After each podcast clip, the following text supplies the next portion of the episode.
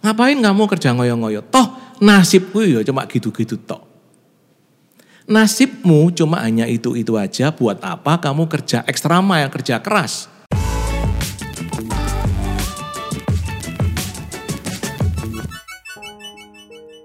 Ya welcome back di JRC Talks, satu segmen di Pastoral Message kita. Hari ini kita kedatangan satu tamu yang spesial yaitu Pak Adrian Permana. Hai guys tuh, Iya. senang sekali bisa ngobrol bersama pada siang hari ini. Iya, senang juga bisa kedatangan Bapak di JRC Talks kita ini.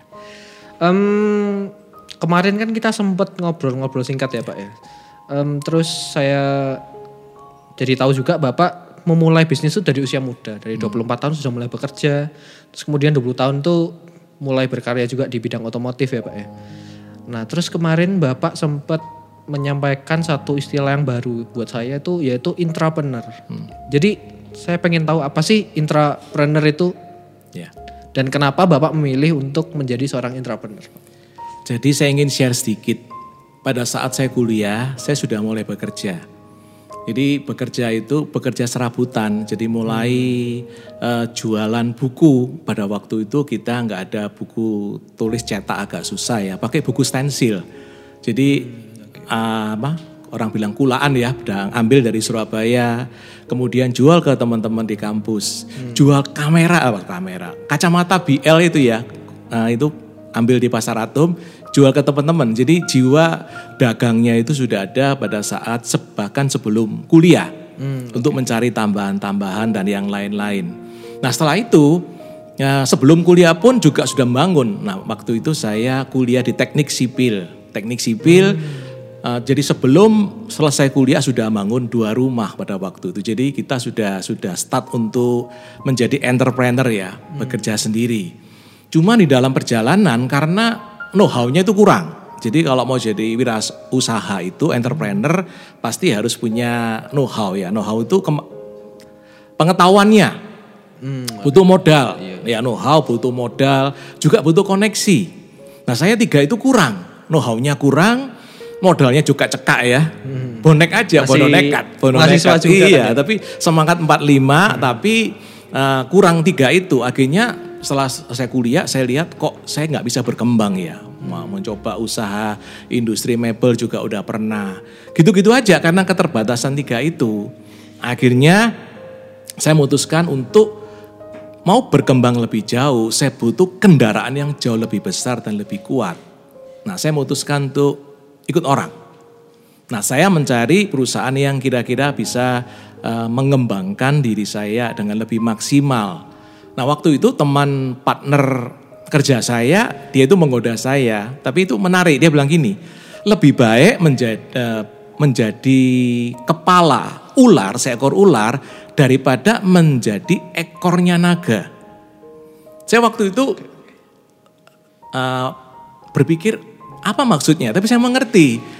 Lebih baik kerja sendiri. Itu kan jadi kepala meskipun ular daripada kamu menjadi ekor sebuah naga. Oke sebentar Pak, berarti em, kalau sekarang kan milenial ini sangat digaungkan untuk kamu berusaha entrepreneur gitu kan ya. Tapi ternyata pemikiran ini udah ada dari mungkin 20-30 tahun yang lalu ya ternyata. Iya. Jadi memang berharap kan namanya idealis ya. Iya, iya. Mau lulus kepingin cepat kaya, kepingin cepat berhasil. Cari cara bagaimana supaya cepat kaya, cepat berhasil. Begitu tau. Sehingga kita berusaha dengan segala macam cara supaya kerja tentunya ya dengan cara halal, kerja keras supaya bisa berhasil. Jadi entrepreneur itu menjadi mimpi waktu itu. Tetapi ada keterbatasan tadi itu sehingga stuck stuck ya akhirnya. Nah teman saya udah waktu saya berpikir ekor kepala dan ekor.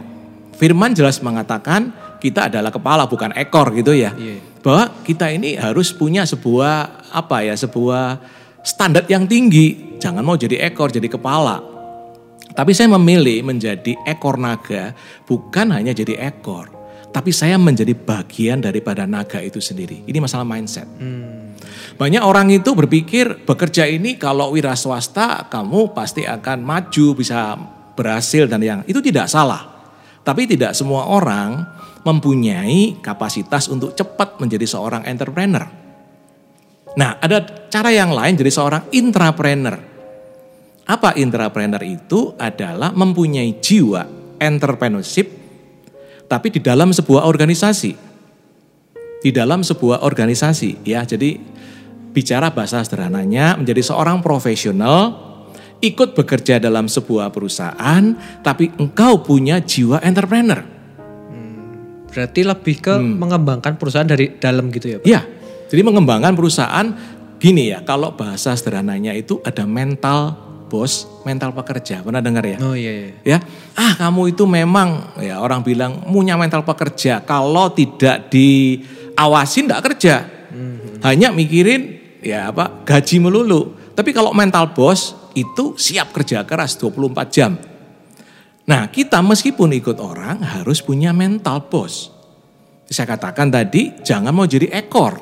Tetapi kamu juga belum tentu jadi kepala. Tapi Tuhan menciptakan kita itu untuk menjadi seorang pemimpin. Seorang yang bisa memimpin diri kita sendiri. Seorang yang punya tujuan, yang punya visi. Jadi meskipun saya ikut orang menjadi profesional. Tapi saya punya mental atau jiwa entrepreneurship. Caranya gimana? Jadi meskipun mulai start dari seorang sales, kita berpikir itu bukan seorang karyawan sales, tapi kita berpikir sebagai seorang pemilik. Apa yang pemilik inginkan melewati produk itu. Pemilik tentunya ingin ini berkembang. Nah dari sana saya mencoba untuk mengembangkan perusahaan itu dengan berbagai macam inovasi. Supaya perusahaan itu maju. Tatkala perusahaan itu maju, akhirnya apa Kristo? Saya juga ikut maju. Iya. Kalau saya punya kemampuan lebih, otomatis one day bos kepingin cari orang yang manajer, dia akan cari orang yang siap untuk itu. Nah itulah entrepreneur ya. Jadi kita harus punya jiwa entrepreneurship, jangan punya mental pengerja. Hanya hitung-hitungan jam kerja, hitung-hitungan gaji, ada peraturan ikut demo misalnya, kan ada agenda demo itu ya, wah ikut demo gitu ya. Jadi kita harus punya mental pemimpin tadi ya, mental entrepreneur. Berarti untuk Ya. salah satu su- kunci sukses itu adalah punya jiwa entrepreneurship ya Pak. Walaupun tidak bekerja spesifik entrepreneurship, tapi tetap punya jiwa untuk iya mengembangkan sesuatu lah gitu ya. Jadi begini, kita sebagai anak-anak Tuhan ya, kita tahu bahwa Tuhan menciptakan kita dengan dahsyat dan ajaib. Kita itu sangat berharga di hadapan Tuhan. Saya punya prinsip kita tidak dilahirkan untuk jadi seorang pecundang. Tapi kita dilahirkan sebagai seorang pemenang. Yang memilih menjadi pecundang itu diri kita sendiri. Itu mental. Mentality kita itu pencundang. Bukan mengatakan kita pecundang, mental kita pecundang itu gampang menyerah. Ah, nasibku cuma segini, aku cuma anak guru, aku cuma anak karyawan, aku ndak punya koneksi. Tidak, tidak seperti itu. Jiwa entrepreneur itu memang kita bicara itu wira swasta ya, wira usaha, mampu mandiri, berani take risk. Orang yang proaktif itu ciri-ciri entrepreneur ya, itu adalah orang yang proaktif bukan pasif. Orang yang selalu menang, eh, mau melakukan inovasi, ya berani take risk itu ciri-ciri entrepreneur. Itu adalah ciri yang Tuhan mau dalam diri setiap kita. Jadi jiwa itu sebagai tak kala kita percaya pada Tuhan, seharusnya jiwa itu melekat dalam diri kita. Tuhan ingin kita hidup itu maksimal. Tuhan ingin semua potensi yang ada dalam diri kita itu menjadi maksimal. Nah, bagaimana cara untuk mengimplementasikan semua talenta itu? Lihat pekerjaan. Lihat pekerjaan. Nah, Kristo misalnya mampu eh, diberi Tuhan talenta untuk bermain musik. Jangan so-so aja, pokoknya aku bermain musik, disuruh tugas pelayanan.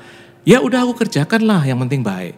Nggak bisa, Tuhan mau kita itu melakukan yang terbaik untuk Tuhan berani untuk proaktif, berani untuk menciptakan inovasi itu Anda sudah menjadi seorang entrepreneur dalam bidang musik. Jadi jangan dibatasi ya dalam pekerjaan, dalam bidang pelayanan harus punya kemandirian di dalam arti untuk memberikan yang terbaik. Begitu Kristo. Oke, jadi ini kita dapat sebuah mindset baru ya. Kalau ternyata entrepreneur itu tidak terpatok dalam pekerjaan saja, tapi bisa diaplikasikan ke seluruh bi- bidang hidup kita, termasuk dalam pelayanan Iya. dan lain-lain gitu Iya, ya Pak ya. Begitu. Em, terus saya mau tanya nih, sekarang kan dalam kondisi yang semua orang kesulitan untuk cari kerja ya, apalagi dalam masa pandemi gini ya Pak. Terus ada tips nggak sih untuk Bapak? Maksudnya gimana supaya kita bisa mengaplikasikan jiwa entrepreneur kita untuk mengatasi masalah yang ada sekarang ini? Ya. Jadi begini, kalau kita kembali bicara bisnis ya, itu kita kan adalah bagaimana untuk bisa mengolah Iya, iya. sebuah opportunity menjadi sebuah keuntungan bisnis itu ya. Nah sekarang kita jangan stuck mindset kita pada wah pandemi ini semua lagi sepi. Kita sekali gitu ya pandemi ini semua lagi sepi. Wah sudah nggak usah percuma lah semua lagi sepi. Jangan kita melihat sekarang peluang apa pandemi ini. Contoh misalnya sekarang yang bisa yang lagi orang kan takut keluar tuh Iya ya. takut keluar. Berarti apa yang yang menjadi peluang sekarang? Pasti orang nggak akan berhenti makan, nggak mungkin masak terus, bosan ya. Nah, misalnya contoh makanan. Kedua lagi transportasi, logistik kita bagaimana kita mengirim itu ya. Belum tentu kita ini harus bisa masak sendiri. Nah, kemarin contoh saya melihat ada seorang AI-AI yang di GKT ini juga. Masakannya itu enak. Tapi problemnya dia itu kan nggak bisa masarkan, nggak nggak mengerti sosmed. Nah, Saya berpikir kenapa tidak anak-anak muda kita lihat AI AI ini pandai memasak. Kita bisa AI tak pasarno yuk. Dari AI misalnya ini kan enak masakannya, misalnya dia buat soto misalnya. Sotonya ini enak sekali. Nah, kita coba kita bundling dengan dengan minuman dengan apa? Kita ambil dari dia, kita kasih kemasannya, kita bantu jual, win-win. AI itu bisa terjual, kita kan menang di teknologi itu Iya ya. kita bisa ngirim, cari tenaga ngirim. Jadi bisa tetap berbisnis dari pandemi ini. Tergantung mindset kita, begitu. Macam-macam sekali, banyak sekali. Ya, tapi kita mau nggak untuk keluar dari zona nyaman kita. Atau justru zona bencana kita, tahu zona bencana ya. Begitu ada bencana kita reaktif, mati kan mesti gitu ya. Wah celaka aku, aku udah nggak bisa apa-apa lagi. Celaka aku, gajiku dipotong. Celaka aku, pelangganku pergi semua. Nah kita harus kuat dari itu. Tuhan mau apa lewat pandemi ini? Tuhan udah berjanji akan memberikan pemeliharaan pada kita. Tapi maukah kita punya jiwa wirausaha tadi? Keluar dari situasi tadi, mencari peluang-peluang tadi. Begitu Kristo. Oke. Berarti kembali lagi ke mentalitas kita lagi ya. Pak. Terus ada nggak sih tips dari Bapak untuk mengembangkan mentalitas yang tadi itu seperti apa? Jadi membalikkan dari mentalitas pecundang tadi awal sampai kita bisa berani untuk melangkah dan mengambil opportunity itu gimana sih Pak? Saya masih ingat pada waktu itu bekerja cukup lama ya. Kemudian rekan saya yang lebih senior, dia bilang gini, lu ngapain kerja ngoyo-ngoyo? Tahu ya, ngapain di bahasa dia bilang anak Malang juga ya, tapi waktu itu bukan di Malang, di luar kota. Ngapain kamu kerja ngoyo-ngoyo? Toh nasibku ya cuma gitu-gitu toh. Nasibmu cuma hanya itu-itu aja, buat apa kamu kerja ekstra mile, kerja keras? Toh ya ini perusahaannya cuma segini, kamu ya juga udah dipatok segitu. Nah itu mentalitas. Dia merasa cukup, merasa selain cukup, dia merasa ya udah itu. Tahu ya, dibatasi oleh situasi. Nah, saya sempat terpengaruh. Dia saya mikir, benar juga dia ngomong kayak gitu ya. Tapi saya kemudian ingat apa yang Tuhan mau dalam hidup saya. Tuhan mau hidup saya maksimal. Tuhan mau hidup saya itu mengembangkan semua talenta saya yang ada. Yang ada. Saya jangan mempunyai mentalitas satu talenta yang mengubur semuanya karena melihat tuannya jahat. Melihat situasi yang nggak baik. Melihat ketidakadilan. No, saya katakan saya mau jadi yang punya dua talenta. Saya putuskan akhirnya saya ada satu ayat yang jadi favorit saya. Kolose 3 ayat 23. Lakukanlah segala sesuatu seperti untuk Tuhan. Saya pegang itu. Ya Tuhan aku mau untuk menjadi yang terbaik dalam diriku. Tuhan telah ciptakan aku bukan jadi seorang pecundang. Tapi aku juga tidak mau memilih jadi seorang pecundang karena aku diciptakan menjadi seorang pemenang. Nah itu breakthrough. Sehingga saya akhirnya bekerja seperti orang gila. Dalam arti extra mile ya. Belajar juga seperti orang gila. Melayani seperti orang gila. Itu bahasa ekstrim saya. Orang gila itu kita nggak dibatasi. dengan omongan orang, nggak dibatasi dengan gaji, tidak dibatasi dengan situasi. Karena saya punya satu bos, Tuhan sendiri. Dan saya mau lakukan yang terbaik. Nah itu melatih mindset kita, Kristo. Kita nggak mau dibatasi apa pun. Baik itu situasi oleh omongan orang, situasi perusahaan kita, betul nggak ya? Iya. Atau situasi bahkan situasi ekonomi eh, ekonomi pun. Tapi saya tahu Tuhan sudah berjanji bahwa saya akan dipelihara. Tuhan berjanji bahwa saya juga akan diberikan yang terbaik. Asal saya juga mau mengusahakan yang terbaik. Sebenarnya itu merupakan spirit entrepreneur yang sejati ya di hadapan Tuhan ya. Mempertanggungjawabkan setiap talenta dan melipat gandakannya. Itu yang menjadi prinsip saya Kristo. Oke. Berarti selama kita punya kesadaran bahwa Tuhan menciptakan kita spesial dan ingin kita jadi pemenang, Yes. itu akan bisa membantu mindset kita juga ya untuk Iya. bertumbuh. Oke, em, terus saya mau tanya ini juga Pak. Ya. Kan Bapak bekerja tadi sebagai intrapreneur ya. Ya. Nah untuk kondisi sekarang ini di zaman milenial ini tuh Bapak lebih memi- lebih menyarankan untuk menjadi entrepreneur atau intrapreneur Pak kira-kira?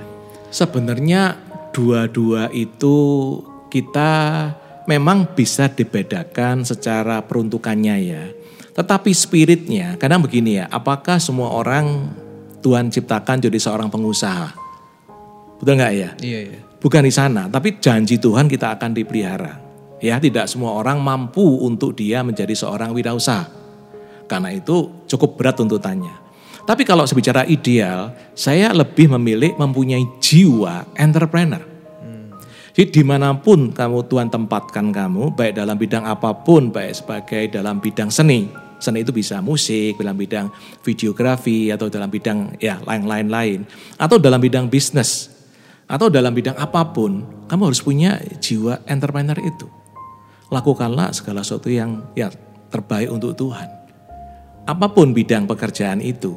Nah, tatkala kita punya mentalitas seperti itu, Kristo, setiap peluang yang ada, entah itu di dalam perusahaan atau di luar perusahaan, kita akan mampu melihatnya dengan lebih jernih. Karena kita udah siap untuk ke sana. Kalau enggak kita akan selalu dibatasi oleh tembok keadaan, tembok situasi, tembok tuduhan dari bosnya kalau kamu kurang maksimal dan yang lain-lain. Itu sebenarnya yang menjadi dasar itu Kristo. Saya juga akhir-akhir ini sadar sih Pak. Maksudnya karena efek pandemi ini kan jadi semua gereja termasuk gereja kita kan dituntut untuk berubah juga. ya. Iya. Jadi salah satunya mungkin ya media podcast ini kan jadi salah satu yang bisa jadi suatu inovasi juga bagi gereja untuk me- menjangkau lebih banyak orang lah gitu kira-kira ya Pak. Iya. Saya juga em, dengarkan Bapak terlibat aktif dalam pelayanan dan em, apa ya punya suatu kerinduan untuk membantu anak-anak muda juga gitu kan ya Pak. Em, jadi ya kalau misalnya kalian menikmati obrolan kita saat ini, kalau kalian mau Pak Adrian untuk membahas tema-tema yang lain lagi, mungkin kalian bisa komen di bawah atau komen di Instagram kita, mention story atau apa pun itu. Nanti kita akan bikin part-part selanjutnya gitu ya Pak. Em, saya rasa cukup untuk hari ini. Thank Terima kasih banyak Pak untuk Sama-sama, Kristo. pandangan yang sudah bisa diberikan kepada kita yang anak-anak muda ini. Oke. Terima kasih sampai ketemu di CRC Talks dan Pastoral Message selanjutnya. Bye.